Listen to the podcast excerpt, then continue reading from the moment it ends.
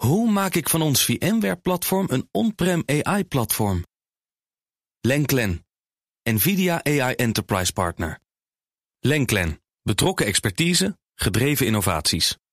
BNR Digitaal wordt mede mogelijk gemaakt door Amazon Web Services. De betrouwbare cloud voor kostenoptimalisatie, innovatie en digitale transformatie. BNR Nieuwsradio. Digitaal. Joe van Buurik en Ben van der Burg. Goed dat je luistert naar BNR Digitaal.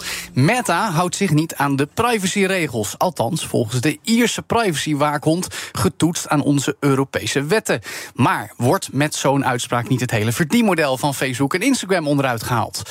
En de Consumer Electronics Show zit er net weer op. En we sturen collega Jelle Maasbach naar deze grootste techbeurs ter wereld in Las Vegas. En we spreken met de medeoprichter van een boeiende start-up die daarbij was. Maar eerst Ben van den Burg. Ja.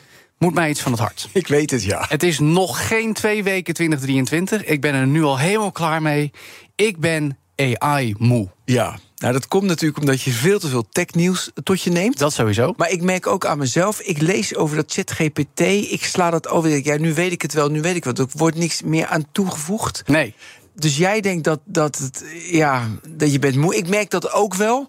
Alleen onderliggend denk ik dat dit toch wel echt weer erg goed is. Nee, dat klopt. Kijk, en het punt is natuurlijk, eh, wij weten eigenlijk al sinds de loop van vorig jaar, eigenlijk al daarvoor, maar zeker in de loop van 2022, hoe groot die doorbraken waren. Van DALI 2, van Lenza misschien een beetje, maar vooral ChatGPT. We hadden het in november al over. Nu zit dat in de mainstream. Hadden we voorspeld, kun ik zeggen. Weet je wel, de doorbraak van AI in de mainstream. En maar eh, alles wat je dan overleest en hoort... is of heel enthousiast, of heel erg bang. Ja, er is bijna geen ruimte meer voor nuance. Ja, maar wat ik heel erg mooi vind... Ik, bijvoorbeeld, ik had een collega die heeft tijdens Oud en Nieuw... een quizje gemaakt met ChatGPT. Dus Leuk.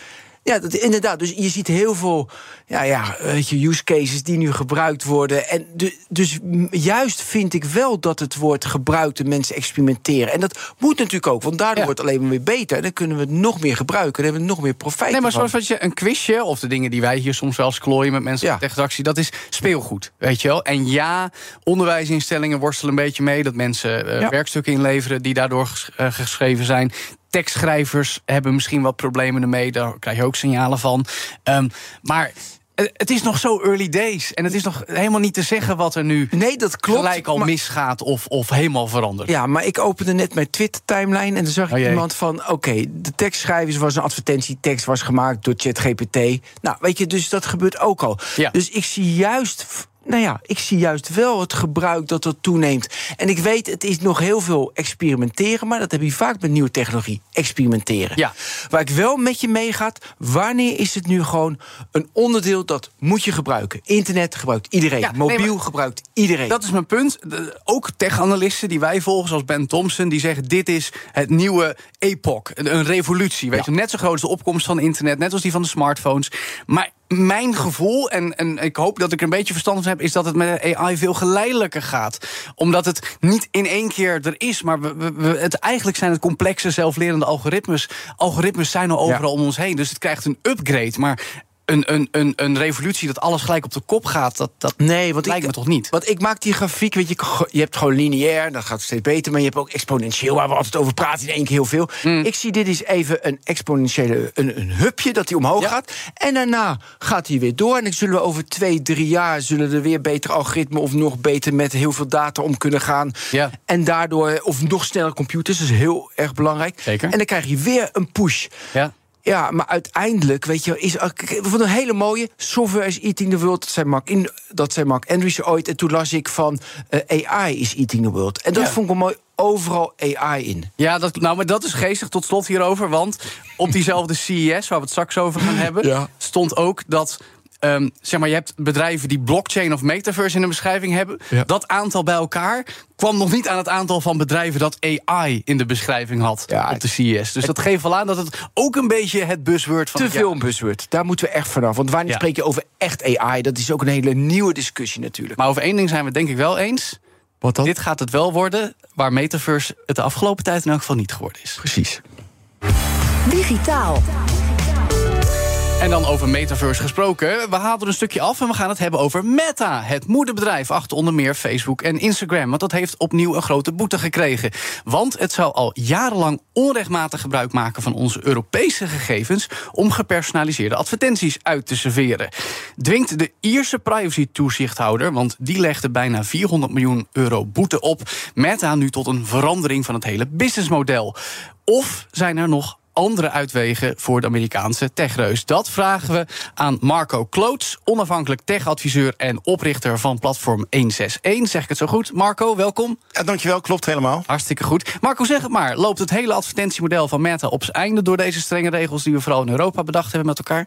Nou, in Europa is het zeker een klap. Uh, in de VS, waar ze volgens mij toch nog steeds 75% van hun omzet vandaan halen, daar is de impact natuurlijk minder. Ja. Maar voor Europa is dit wel echt even een dingetje. Ja, ja maar oké, dan ga ik gelijk even iets waar ik aan moet denken van vorig jaar. Uh, april was volgens mij ongeveer dat opeens Meta zei: Nou, misschien moeten we wel stoppen met Facebook en Instagram. Want toen was er ook al een zaak die speelde. Uh, dan vraag je je af: zien ze nu opeens zoveel omzet hier mogelijk verdampen. dat het daadwerkelijk een nieuw en reëel risico is dat we hier straks geen Facebook en Instagram meer hebben? Of zal het ook weer niet zo'n vaart lopen? Ja, hoe erg zou dat zijn? Hè? Dat, nou ja, dat persoonlijk, ja, maar uh, maatschappij breed ja. gezien. Nee, nee, absoluut hoor. Nee, maar nee, ligt nee. dat gevaar nu opnieuw op de door, denk je? Nou, ik denk dat er wel een paar mensen op de afdeling strategie bij Facebook echt serieus aan nadenken hoe ze hiermee omgaan. Maar ik, ik, verwacht niet dat ze de boel zullen sluiten in Europa. Ja. Uh, er is gewoon een oplossing, een mogelijkheid. Uh, het is niet een mogelijkheid waar ze blij van worden. Want ze moeten gewoon consent gaan vragen, mm -hmm. expliciet. Gewoon een cookie-venster eigenlijk. Uh, eigenlijk een cookie-venster, zoals ja. heel veel andere sites ook moeten doen trouwens. Ja. Dus wat dat betreft is het een beetje een level playing field. Ja. Maar als we dat doen, kunnen ze gewoon verder. Alleen het zal impact hebben op, het, op, op de omzet. Ja, En is het het dan waard? Ik denk, ik zie ze niet terugtrekken uit Europa. Nou ja, dan ze dus met het wegvallen van een deel van de inkomsten, of in ieder geval de oplossing, want daar gaat het even om. Want even voor de goede orde, waar knelt nou precies de schoen? Wat is nu het probleem? Nou, je moet consent vragen hè, om data te gebruiken. En. En, en, ja, toestemming. Uh, en daar zijn de cookie-vensters zijn daar uh, bekende voorbeelden van. Uh, maar bij Facebook log je in. En Facebook had het zo opgelost dat je bij het accepten van de terms and conditions automatisch consent gaf. Dus je wist eigenlijk niet dat je consent gaf, want die terms and conditions zijn natuurlijk weet ik hoeveel pagina's lang. En bij het inloggen en het accepten van die terms had eigenlijk iedereen gaf consent, dus toestemming. Dus ze hadden een 100% toestemmings uh, rate. Dat is natuurlijk ideaal voor targeting. Ja. Als je moest zelf gaan graven in minuutjes om te zeggen: ik wil dit niet. Ja, volgens mij was zelfs is, is, kon, je, kon je niet eens zeggen: ik wil dit niet. Ik wil de terms and conditions wel, maar dit wil ik niet. Dat kon niet eens. En nu moeten ze expliciet gaan vragen: van wil je dit voor advertising? Ja of nee? En dan gaat er natuurlijk een gedeelte uh, nee, zeggen. nee zeggen. Precies, ja. Maar even voor de duidelijkheid: je bent ingelogd en ja. dan mogen ze dus wat jij binnen het domein doet van Facebook of Insta, van Meta. Ja. Daarin bouwen ze profielen op. Ja, ze gebruiken de data, wat je scrolt, waar je op klikt, wat je achterlaat, wat je favoriete band is, of je getrouwd bent of niet. Als je ingelogd bent. Als je ingelogd bent, precies. En die data gebruiken ze nu voor advertising targeting, automatisch. Ja. En dat mag niet meer automatisch. Daar moeten ze specifiek voor vragen van, mogen we dit gaan doen? Ja, maar is het nou zo simpel als... je moet gewoon even expliciet met een venstertje of een knopje duidelijk in beeld... toestemming vragen aan gebruikers om hun data te gebruiken? Of, of speelt er meer mee? Nou, er speelt meer, want uh, het vragen is, is het simpele stukje.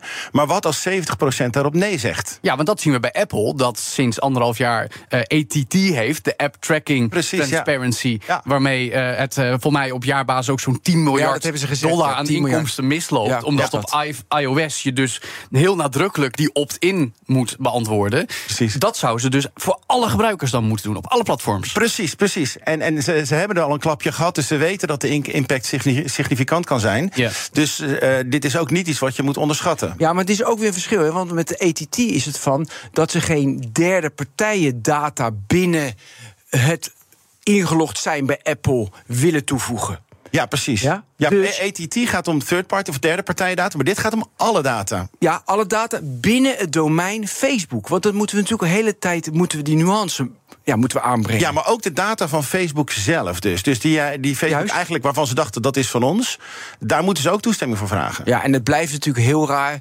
Dat gebruiken ze ook om jouw timeline heel erg netjes te maken en heel erg mooi te maken. Dat mag dan wel. En een advertentie kan je ook vergelijken met gewoon een post. En dat mag dan niet.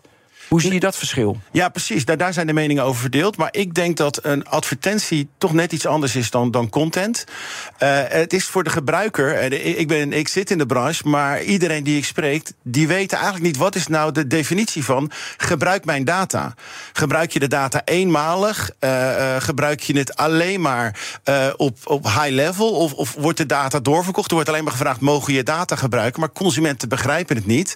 En als ze het niet begrijpen, en Facebook is al niet heel goed in het nieuws geweest qua datalek en privacy, dan is er gewoon een grotere kans dat zo'n individuele consument zegt: Nou, dit wil ik niet, dit doe ik niet. Ja. En dan zijn de gevolgen voor Facebook dat ze dat niet mogen uh, gebruiken. Maar dat je die consument die vraag stelt, vind ik op zich een, een redelijke vraag. En nogmaals, bij heel veel andere sites krijg je gelijk al zo'n window voor ja. je. Ja, maar dat, dat is helder. En zeker als het gaat om uh, mag je data gebruikt worden of niet. Nou, daar moet gewoon een vraag voor gesteld worden om toestemming te geven. Maar het punt wat Bennett aanhaalt, vind ik ook interessant. Want het is zo uh, nou, troebel geworden, wil ik haast zeggen. Want je hebt gewoon een post van mij of Ben. Je hebt dat van een groep. Je hebt dat van een bedrijf.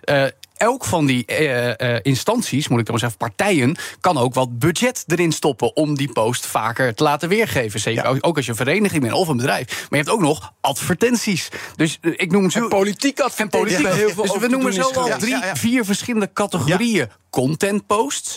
Die dus op afhankelijk van de definitie gezien kunnen worden als, noem het, redactionele geplaatste content of commerciële advertenties.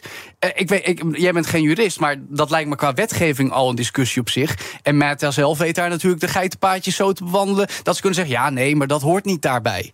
Ja, dit wel en dit niet. En, ja, en ik, maar daar zijn ze dus nu heel duidelijk over geweest dat advertising content, dat in ieder geval voor dat stukje expliciet consent gevraagd moet worden. En al die andere ja. opties die jij benoemt. Maar als ik een tientje steek in, aan die leuke vakantiefoto, want ik ben zelfstandig ondernemer, ik heb een bedrijfspagina en ik wil dat die foto wat vaker weergegeven wordt, is het dan een advertentie?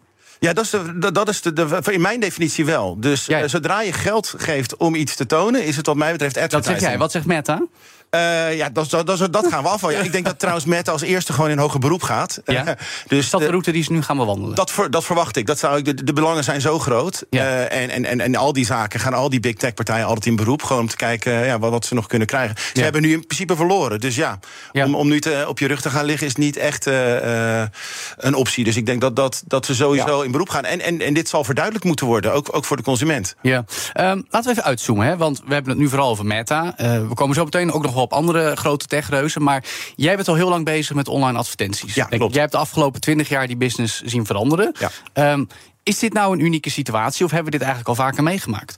Nee, het is al meerdere keren uh, heeft dit plaatsgevonden. In Nederland is ooit een van de eerste geweest met de zogenaamde cookie-wet. Dan was nog de vraag of... Welk jaar was dat? Voor mij 2013 even uit mijn hoofd. 2012, 2013. Dat was het begin van die ellendige vensters, hè? Dat was het allereerste begin, precies. En toen waren ook al die uitgevers bang dat iedereen nee zou klikken. En eigenlijk waar, waar, waar Facebook nu mee geconfronteerd werd... werden alle andere uitgevers, ja. de traditionele, ook de BNS... werden daar toen al mee geconfronteerd. En dat is waarom de sites die wel willen voldoen... dan maar vaak een heel complex, vervelend venster maken... zodat de mensen heel snel op akkoord klikken met dark patterns... want hij is groen gemaakt, die knop... Ja. zodat je even snel de voorwaarden geaccepteerd ja, ja, ja, precies, precies. Maar nog even, als ja. ik dus klik op ja nu... want mensen zijn nog steeds, want er wordt zo'n dark pattern op ja. ja. Wat gebeurt er dan?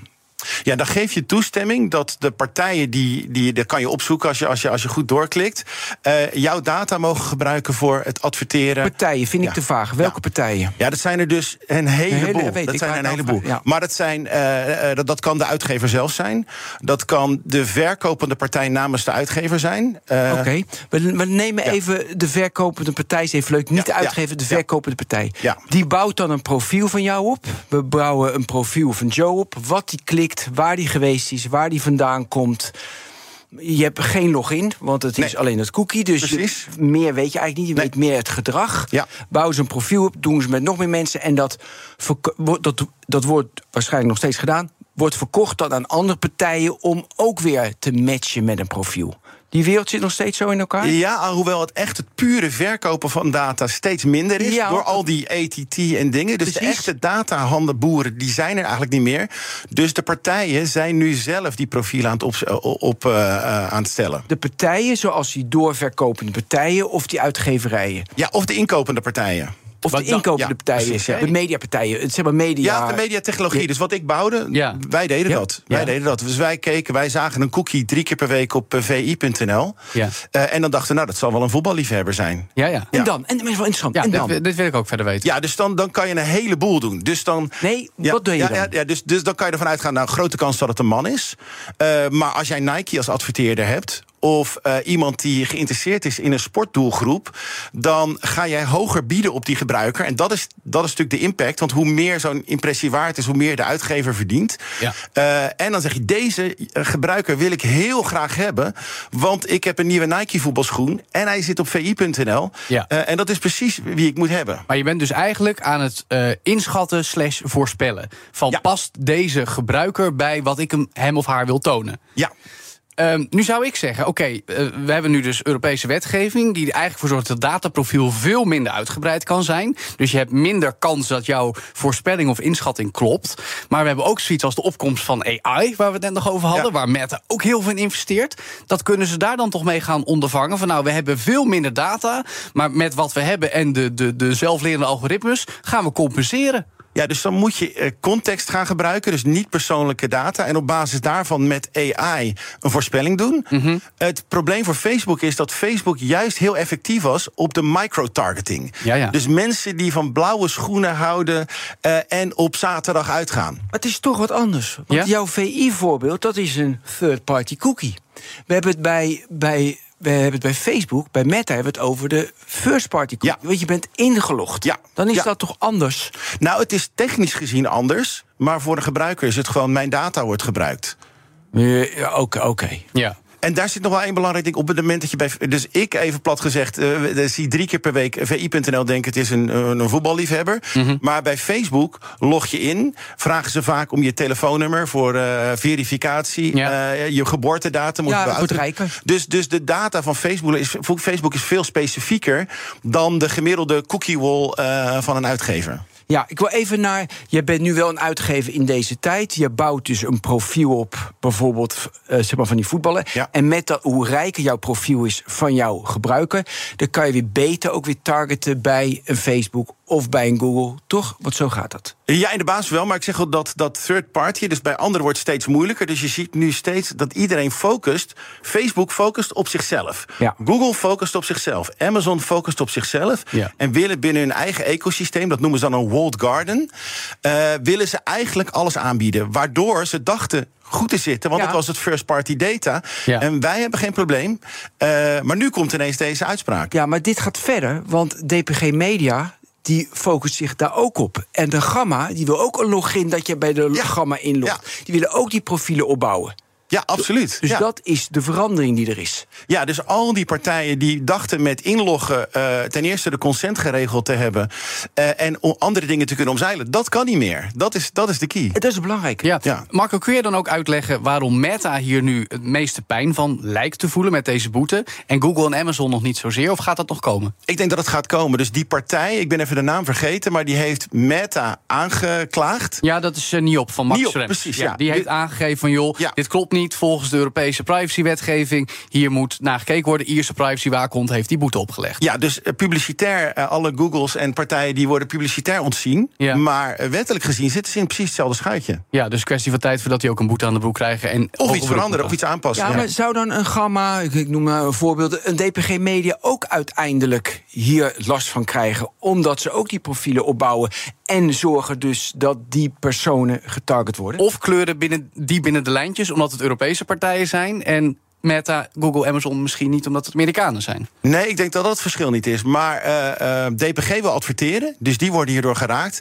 Als Gamma het gewoon gebruikt om eh, ja, je aankopen, eh, eh, te, je, je winkelmandje te beheren, dan is het weer iets anders. Ja, Ja. maar als het gebruiken om op Facebook rijker eh, zeg maar, te kunnen targeten, want ze weten precies hun profiel, dan worden ze Dan wel geraakt. ja, ja, absoluut. Ja, maar Ja. dit is echt, dit heeft dus echt heel veel impact dan, hè? Ja. Ja, ja, absoluut. Want Nee, de hele stroom is allemaal zelf profiel opbouwen, zelf Ja. profielen opbouwen. Is dit nou ook gewoon de keerzijde, Marco, van Move Fast and Break Things? Het, het veelgehoorde credo in Silicon Valley, waar Meta dan nu maar gewoon op de bladen moet zitten, omdat ze zo'n 15 jaar lang wel een beetje deze regels naast zich hebben kunnen neerleggen. En nu, nou zeker sinds dat ATT, wat Apple heeft doorgevoerd, maar ook nu eindelijk die blaren hebben waar ze op moeten zitten? Of, of, of als in konden we dit altijd al verwachten dat dit zo is? Nou, laat ik het zo zeggen, want uh, ze zijn er niet mee weggekomen. Ik ben geen jurist, maar het is hm. volgens mij een interpretatie van GDPR waar ja. nu een uitspraak Dus ze dachten waarschijnlijk dat ze goed zaten. En ze horen nu ineens, nee, je zit niet goed, dit kan niet. Ja, nou, ik heb ook bijvoorbeeld uh, van notabene een Amerikaanse techanalist Ben Thompson uh, zijn analyse gelezen. En die zegt, uh, eigenlijk wordt Meta hier gewoon gepest door een Europese privacywaakhond. Weet je wel, dit, dit mag. Maar de Europese privacywaakhond vindt van niet vanwege een bepaalde lezing. En dus komt die boete en dus mag het niet meer. Dus dan is het misschien ook meer een soort geopolitiek overstijgend belang... los van alleen maar regels en wel of niet eraan voldoen? Nou, ik denk dat ze in Amerika anders naar privacy kijken. Hmm. daar verhandelt iedereen alles met elkaar. En, en als er ergens iets van een waarde-exchange zit, dan, dan, dan, dan, dan kan het al vrij snel. Ja. Uh, maar ik, ik denk dat, er, dat, dat de impact van, of zoals Ben Thompson het zegt, van pesten. Eh, kijk, Facebook had geen goed imago. Hè, dat zat al niet goed met mm. Cambridge Analytica en al die dingen. Dus ze zaten al niet op de goede plek. Maar uiteindelijk geldt het gewoon voor alle partijen en is Facebook gewoon aangesproken. Ja, oké. uh, tot zover wat ze tot nu toe hebben gedaan, wat ze volgens de Ierse privacyzaak ontvouwd doen, anders moeten doen. Ze gaan beroep aantekenen, zeg jij. Denk ik, ja. Maar ze zullen ongetwijfeld ook kijken, wat gaan we dan doen? Ja. En we hebben het af en toe gehad over het metaverse de afgelopen jaren. Niet lachen, niet lachen. Nee, zeker niet. Ondanks dat het nu AI het buzzword is en metaverse niet meer.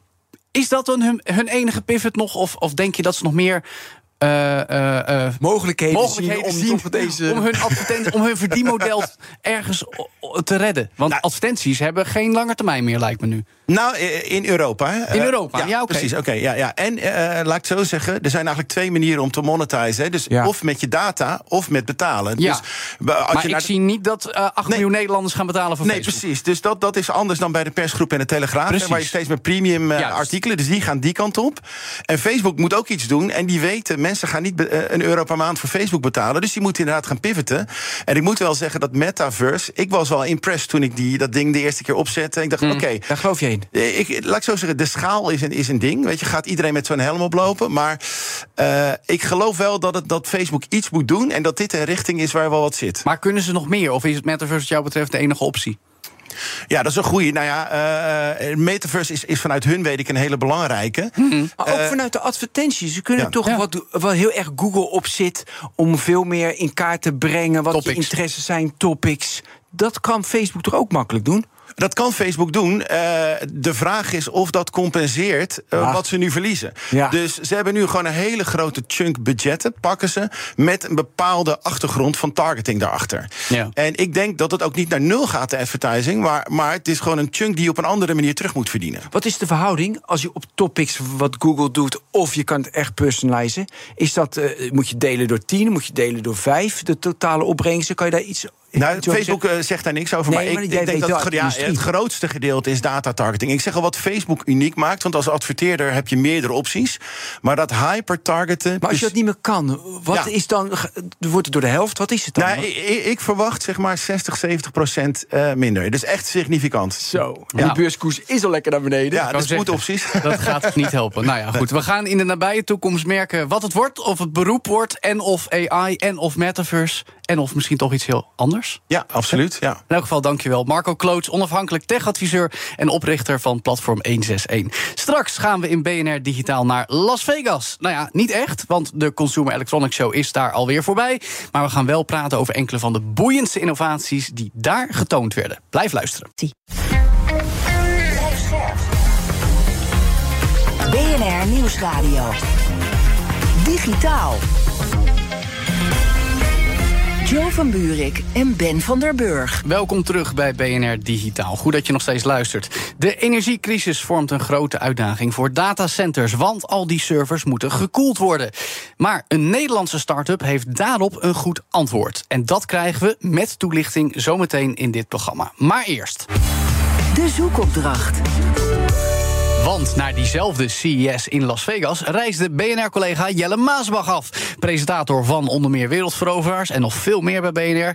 En voor ons ging hij daar op zoek naar boeiende innovaties en de mensen die daarmee bezig zijn. Welkom Jelle. Dankjewel. Kom maar op Jelle. Met je innovaties. Jij was erbij in Las Vegas. Ja, en, en ik moet gelijk eerlijk zeggen... jullie zijn natuurlijk wel heel vaak met z'n twee op techbeurzen geweest. Ik kwam als een soort van kuifje voor het eerst op een buitenlandse strip voor BNR. Voor het eerst op CES.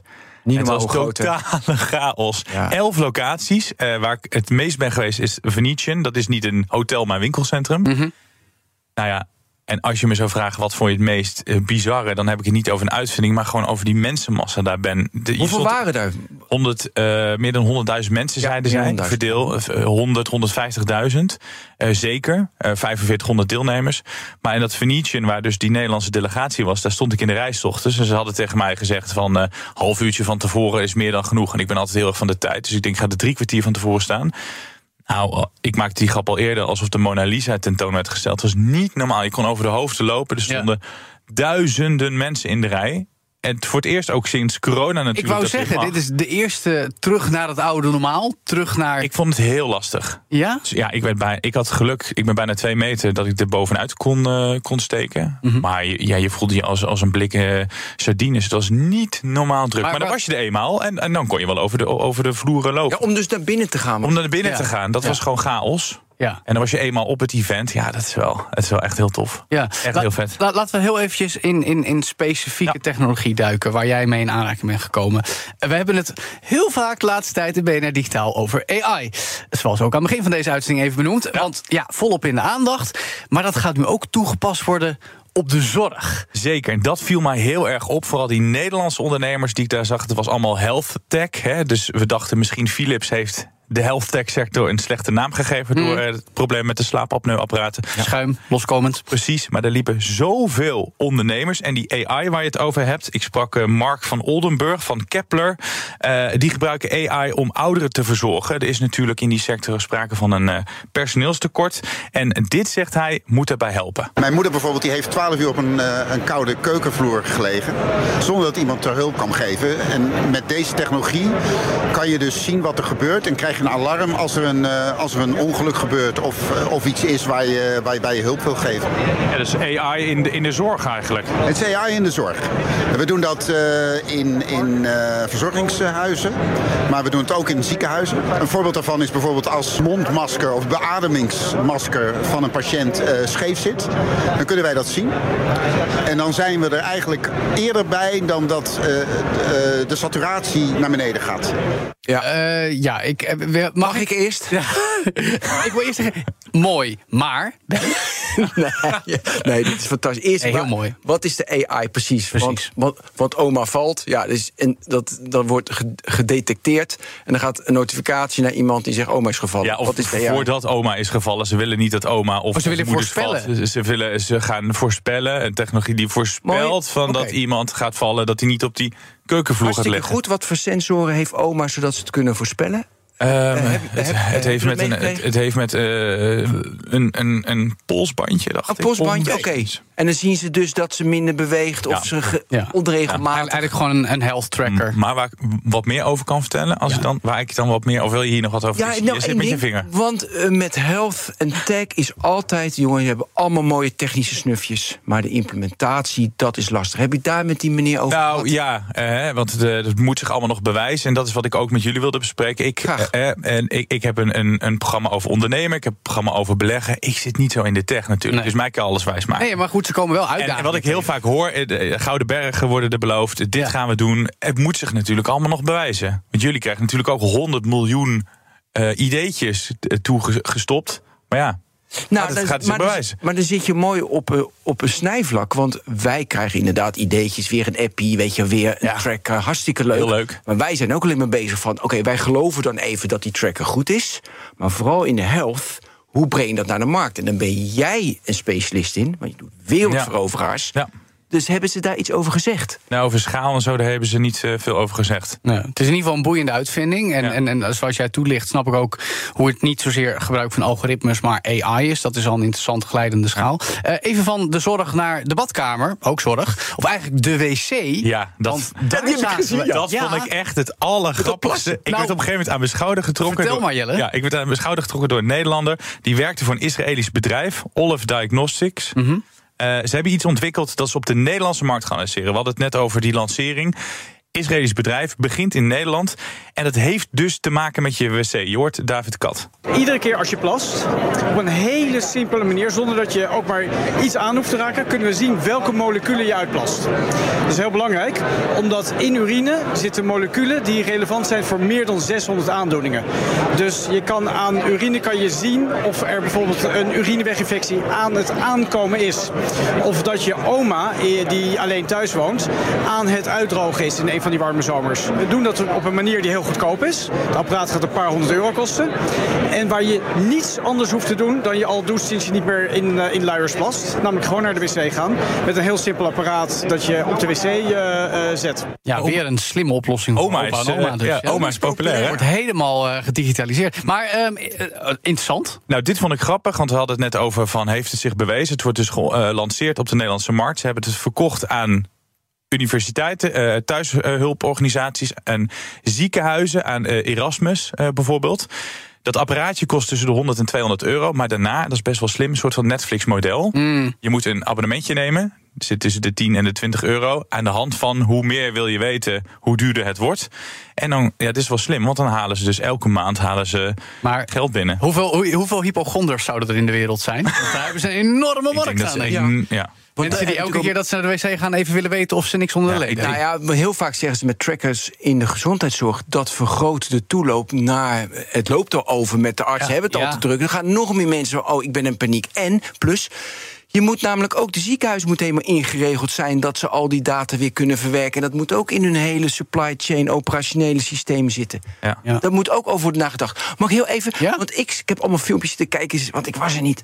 En zag ik met Withings, is, is dat hetzelfde? Withings, dat een... ja, de U-scan, hè? ook zo'n apparaatje... Ook waarmee wit- ze ja. lichaamswaarden kunnen meten. Die heb ik gezien, ook in de Eh, trend. ja. Vergelijkbaar. Maar was, Ja. dat was niet Nederlands. eh, Nee, nee, Nee, nee, een ander bedrijf. Maar Ja. het is dus een trend, zou je eens kunnen zeggen. Ja, maar vooral echt die zorgtechnologie, joh, niet normaal. Dat is natuurlijk ook, eh, als we vanuit gaan over een paar jaar... zijn we in Nederland meer dan 100 miljard per jaar kwijt aan die zorg. Het is gewoon ook een verdienmodel Mm. Ja, maar goed, dan is dus de vraag wat Ben net terecht Ja. zegt. Creëer je niet meer vraag naar zorg met dit soort uitvindingen? Ja. Of neem je daadwerkelijk Ja. de druk op de zorg weg? Ja, ik dacht enerzijds eh, kan het ook wat zorg uit handen nemen... vanwege dat personeelstekort dat je zelf al een deel monitort. Maar misschien word je daardoor inderdaad te bewust ervan... en ga je nog sneller weer eh, een huisarts om hulp vragen. Ja, nou, dus ja, ik, ik ben het wel eens met Ben. Hey, even iets anders nog. Ehm, de mensen. Want wij hebben ook gezien, vanuit Nederland, toegegeven dat er veel high-profile figuren waren op de CES. Waaronder Prins Constantijn, altijd begaan met de techsector. Reinhard Oerlemans. Ja. Wat voegde die nou toe?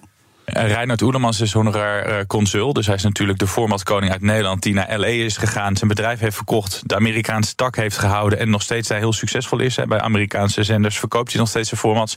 Hij begeleidde ondernemers daar. Hij was, altijd, hij was heel bescheiden van... ik ga ze proberen wegwijs te maken. Maar ook wel gelijk een lesje van wat je in Amerika uh, moet doen. Hè. Dat, dat, directe Hollandse, dat moest er even uit. En hij zei, wat ik heel erg hier merk... is dat er heel veel Amerikaanse investeerders op Nederlands afstappen... en die zeggen, je hebt een goed idee. Dat Nederlanders zeggen, oh, dankjewel. En dan een week lang niks laten horen. Mm. Zei, dat werkt zo niet. Dan moet je gelijk e-mailen, gelijk opvolgen. gelijk opvolgen. Dus hij ging ze ook daar tips geven. Ik stond ook bij dat die mensen tips aan het geven was. En uh, ik heb Constantijn ook gesproken voor Wereldveroveraars. Dat was heel leuk. En die heb ik al vaker gesproken. Die is heel bescheiden en altijd loslippig. Die vertelde heel veel over hoe zijn handelsmissie naar Japan... een keer uh, jouw geliefde Japan ben, Ja. was met de Beatrix erbij en zo. Dat ik denk, nou, als de Rijksvoorlichtingsdienst hierbij had gestaan... hadden ze misschien gezegd, nou, even Ja, maar wat was het verhaal dan? Want nu worden we nu. Niet kort. Zij moesten toen excuses aanbieden. En ik weet niet meer precies uh, waarvoor dat was. Uh, maar hij, het begon ermee te vertellen dat hij zei van... ze zijn helemaal idolata van het Koningshuis. Dus alle deuren worden daar voor je geopend. Uh, en, en ze moesten excuses maken hoe ze dan echt over eieren moesten lopen... en wat er dan achter de schermen gebeurde... en hoe zijn moeder zich aan het voorbereiden was op, op dat maken van die excuses... Maar dat geen broekscheurend nieuws, maar ik vond het wel heel grappig dat hij dat allemaal zo vertelde. Ja, zeg, en dat, ja boeiende uitspraak. Ja. Voor een andere keer. Heb je daar nog gelachen eigenlijk? Ja, ja, elke keer. Ja, waarom dan? Wat, was dan? Ja, die totale gekte. Ik zou het uh, niet aanraden om Vegas... Ja, een keer naartoe te gaan om het mee te maken. Maar het eten was echt om te janken. Het was Ja, vies, vet en, en, en smerig. uh, mega duur alles. Mega duur. Mensen waren wel heel Taxis niet aardig. te krijgen. Taxis niet te krijgen. Uh, een enorme afstand. En het is gewoon kermis, weet je wel. Ik, Ja. Op één dag heb ik van Venetië naar Parijs, naar New York gelopen. Ik heb nog een belangrijkere Ja, vraag. Ben, heel Heb- kort dan. Heb je, wel, heb je wel het idee van een technology push? Want dat idee krijg ja, wat je is de gemene deler die Ja. je hebt meegenomen van de CES? Ehm, nou ja, waar gaan we naartoe? Nou, dat is eigenlijk toch wel, ja, dan val ik in herhaling. Dat is toch die zorgtechnologie. Ja. Ik had niet verwacht dat dat zo groot zou zijn. En het is wel vaak, hebben jullie ook besproken, dat het gewoon aan de andere kant ook gewoon een autobeurs is. Dus het ging ook wel heel erg veel over auto's. Ja, zoals de auto waar Sony en leuk. Honda samenwerken. hè? Maar ik wil toch voor die, voor die bewegende, voor die gekke robots, voor zo'n voor zo'n eh, zelfrijdende eh, motor, eh, zo'n zo'n klein zonneautootje. eh daar wil ik meer voor dat soort toepassing gaan, dat ik elke keer naar elektrische bakken sta te kijken. Want ik denk, ja, dan Ja. kan ik ook wel naar een autoshow gaan. Ja, nou ja, daar was je dus ook voor in Las Vegas, of je nou wil of niet. Maar gelukkig had je tussen de bedrijven door ook tijd om even wat eh, interessante innovaties eh, mee te nemen in deze zoekopdracht in BNR Digitaal. Dankjewel. Jelle Maasbach. Digitaal. De hoge energieprijs dwingt datacenters om sneller over te schakelen op duurzame alternatieven om te koelen. En één idee daarvoor komt van Ixora, dat speciale koeling ontwikkelde en die precies mooi past in de serverrekken van datacenters. En dat idee lijkt aan te slaan, want Ixora heeft recent een grote deal gesloten met het Amerikaanse miljardenbedrijf Lubrizol. En dat is dan weer onderdeel van Berkshire Hathaway, het conglomeraat van superbelegger Warren Buffett. Om hier uitgebreider over te vertellen is bij ons in de studio Job Witteman, medeoprichter en CEO van Xora. Welkom Job. Dankjewel. Goed dat je er bent. Even met de deur in huis. Hè. Gaan jullie hiermee het grote probleem van datacenters oplossen? Ja. Ja? Heel, kort. Ja. Zo simpel is het? Zo simpel is het. En er is niet een grote uitdaging of een probleem wat nog getackled moet worden? Nou, jawel, er zijn nog wat technische dingen, hobbeltjes te nemen. Eh, we moeten wat verder ontwikkelen.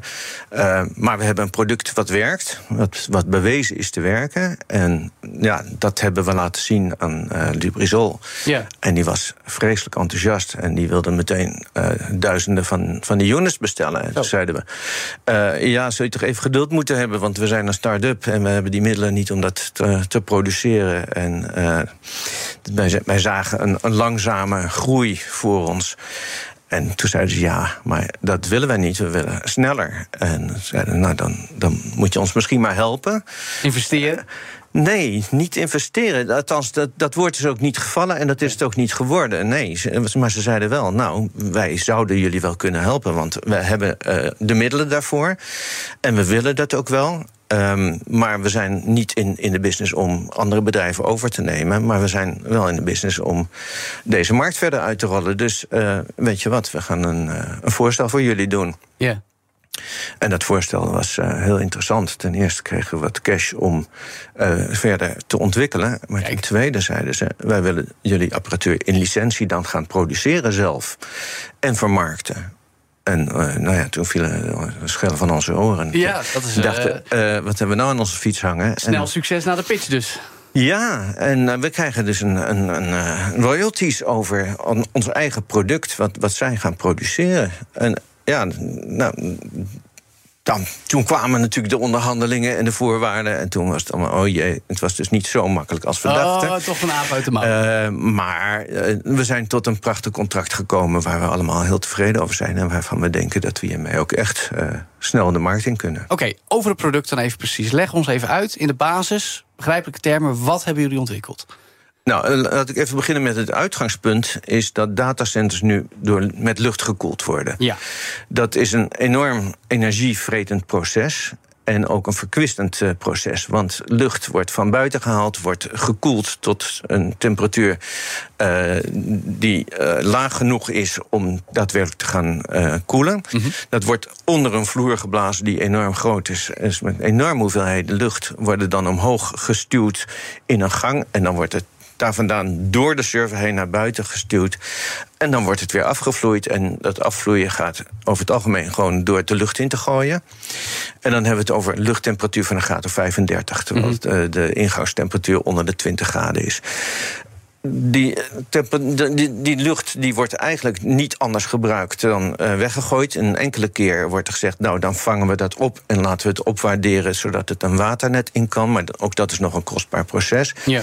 En de datacenters zeggen, nou je mag het gratis hebben, warmtenet, maar we gaan het natuurlijk niet voor jullie upgraden tot, tot wat jullie willen. Want Ja. die kosten willen we niet op ons nemen. En jullie doen het dus anders, namelijk het vloeistof. Wij gaan het inderdaad anders doen. Vloeistof eh, geleidt eh, warmte nu eenmaal meer dan duizend keer beter dan lucht. Dus je kunt met veel minder energie eh, koelen met eh, vloeistof. En ik zeg heel ingewikkeld vloeistof en niet water of iets anders. Want eh, water is weliswaar de manier om te koelen, maar de servers of de, de moederborden, de, de elektronica, kun je niet in water hangen. Nee. Dus we hebben een systeem ontwikkeld waarbij we dielectric fluid, zoals dat zo mooi heet, die elektrische vloeistof, dat is niet elektriciteit geleidende vloeistof. Denk aan een soort olieachtige substantie. Die geleidt geen elektriciteit. Daar kun je dus je elektronica in onderdompelen. Maar dan moet je wel zorgen dat je dat weer kunt koelen. Ja. Nou, er zijn systemen in de markt, eh, al, al tientallen jaren eigenlijk. vloeistofkoeling. Met vloeistofkoeling, met die-elektrische vloeistof... waar hele servers in ondergedompeld worden. Ja. Maar over het algemeen zijn het grote open bakken. En eh, echt wel twee keer een badkuip, als het niet drie keer een badkuip is... en die nemen best veel plaats in vergeleken met de 19 inch die nou eenmaal in de datacenters staan. Ja. En die zijn niet praktisch in het gebruik. En een eh, engineer heeft daar toch wel moeite mee om zijn handen daarin te stoppen, want het is toch een beetje eng. Ja. En eh, wij hebben toen gedacht, ja. eh, datacenters zijn nou eenmaal gebouwd rondom het idee dat er 19 inch zijn. Dus als wij een apparaat gaan ontwikkelen waarbij datzelfde proces plaatsvindt, maar dan in een gesloten systeem wat in een 19 inch rack past, dan zullen die datacenters wel minder probleem hebben om dit te, te adopteren. En eh, Ja. daarmee is natuurlijk de transitie naar tussen van lucht naar water of Naar eh, vloeistof. naar vloeistofkoeling vele malen makkelijker. Ja, dus normaal wordt nu het hele datacenter gekoeld door lucht. Ja. Maar nu ga je specifiek de racks, de servers in die racks koelen. Ja. Dus ik koop gewoon bij Dell een server. En die plaats ik dan in, gewoon in een rack. Maar de boven- en de onderkant neem ik aan. Dat wordt dan gekoeld, zodat die wordt gekoeld. Ja, het, het wordt nog ietsje specifieker, want we gaan niet die hele server onderdompelen. Want eh, in die server zitten heel veel onderdelen die niet ondergedompeld hoeven te worden. De harde schijf niet, de netwerkkaarten niet. Het is eigenlijk Dus alleen de chip hè, die. Alleen de chip op het moederbord. Dus Ja. wij hebben een systeem ontwikkeld met cassettes waar het moederbord in past. En de rest daarbuiten gelaten wordt. Wat twee voordelen heeft. Ten eerste zit je niet onnodig te koelen. Maar ten tweede, het, meeste, het eerste wat kapot gaat aan een server is de harde schijf. En als je die aan de buitenkant hebt, dan kun je die gewoon vervangen. Terwijl die, die, de, het moederbord ondergedompeld blijft en gewoon zijn werk blijft doen. Maar ik kan gewoon wel bij Nvidia of bij Dell een servertje bestellen. Gewoon niet. Eh, ze moeten wel aangepast zijn, want een, een normaal moederbord. Dat is jammer. Nou ja, maar dat zit er wel aan te komen. Een normaal moederbord, daar zit natuurlijk. is ingericht voor de, voor de luchtkoeling, dus daar zitten fans op. Ja. En als je die fans eruit haalt, dan zegt hij: hé, hey, de fans doen het niet, dus ik doe het niet. Dus je moet iets aanpassen aan de BIOS, je moet wat, wat dipswitches omzetten. Bovendien zitten er misschien wel stickertjes op van, eh, van quality con- checks en al dat soort zaken. Dus die moeten er allemaal af. Dus je kunt niet zomaar de eerste beste server onderdompelen. Maar het goede nieuws is: Nvidia en eh, een, een aantal partijen zoals Dell en, en HP zijn bezig met een hele nieuwe lijn die echt immersive ready is. Ja, ja. En dan kan je dus gewoon, je bestelt het en je kan het vloeistof koelen. Ja, Plug and play. Ja. Ehm, hoe zijn jullie op dit idee gekomen?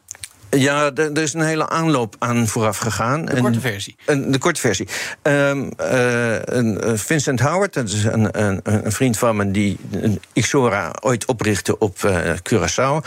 Eh, had vroeger het datacenter en IT-bedrijf True. Dat heeft hij verkocht. Ja. En met dat geld dacht hij lekker feest te vieren op Curaçao. Mhm. En vrij snel dacht hij, weet je wat... ik ga toch iets in, in de muziekbusiness doen, want dat is mijn hobby. Leuk. En die ging dus voor festivals eh, apparatuur haalde die uit Nederland om daar op het toneel te zetten. Maar dat ging hartstikke snel kapot. Want het is hartstikke warm. Want het is niet alleen warm, het is ook vochtig en zout. En, en, eh, en er wordt bovendien slordig mee omgegaan. Afijn, eh, dus dat kon hij eh, te snel weggooien. Toen dacht hij, ik ga iets sustainables maken. Dus speakers die tegen al deze weersomstandigheden kunnen. Nou, dat is mooi gelukt. En toen moest er nog een versterker bij. Toen dacht hij, ja, ik ga niet per speaker een versterker bouwen. Ik ga een blade server-achtige gedachte. Een hele grote versterker die voor het hele festival eh, voldoende capaciteit heeft. Nou, Ja. had hij iets gebouwd van 216.000 eh, kilowatt, geloof ik. Of wat? Ja, nee, echt eh, verschrikkelijk zwaar. En toen is hij teruggekomen naar Nederland, omdat hij dat niet verder kon ontwikkelen op Curaçao. En toen kwam hij met mij eh, een keertje gewoon op de koffie. Toen hij ge- gezellig weer terug was in Nederland. En Ja. toen zat hij het verhaal te vertellen. En zei: Maar ik zit alleen met die koeling. Want het wordt zo verschrikkelijk warm. En ik kan daar moeilijk een ventilator naast zetten. Want dat neemt zoveel energie en maakt zoveel lawaai. Dat overstemt gewoon het concert. En toen kwam het idee van vloeistofkoeling erbij. Toen zei ik, joh, ga eens kijken bij eh, Aspiritus, een Amsterdams bedrijf... die eh, al vele jaren langer dan wij bezig zijn met immersive cooling. En nou, of je nou een server of een versterker onderdompelt in, eh, in die vloeistof... dat maakt op zich niet uit. Ja. Dus hij is daar gaan kijken en gepraat en vond het helemaal hartstikke mooi. Ik kwam enthousiast terug. Hij zei, alleen, ja, ik kan moeilijk met een open bak op wieltjes... met eh, die vloeistof klotsend en wel over een eh, festivalterrein gaan. Ja, het en moet de- afgesloten zijn. Dus ik ga een, dat, dat dichtbouwen, zodat dat wel kan. Dat ik dat mee durf te geven aan een roadie.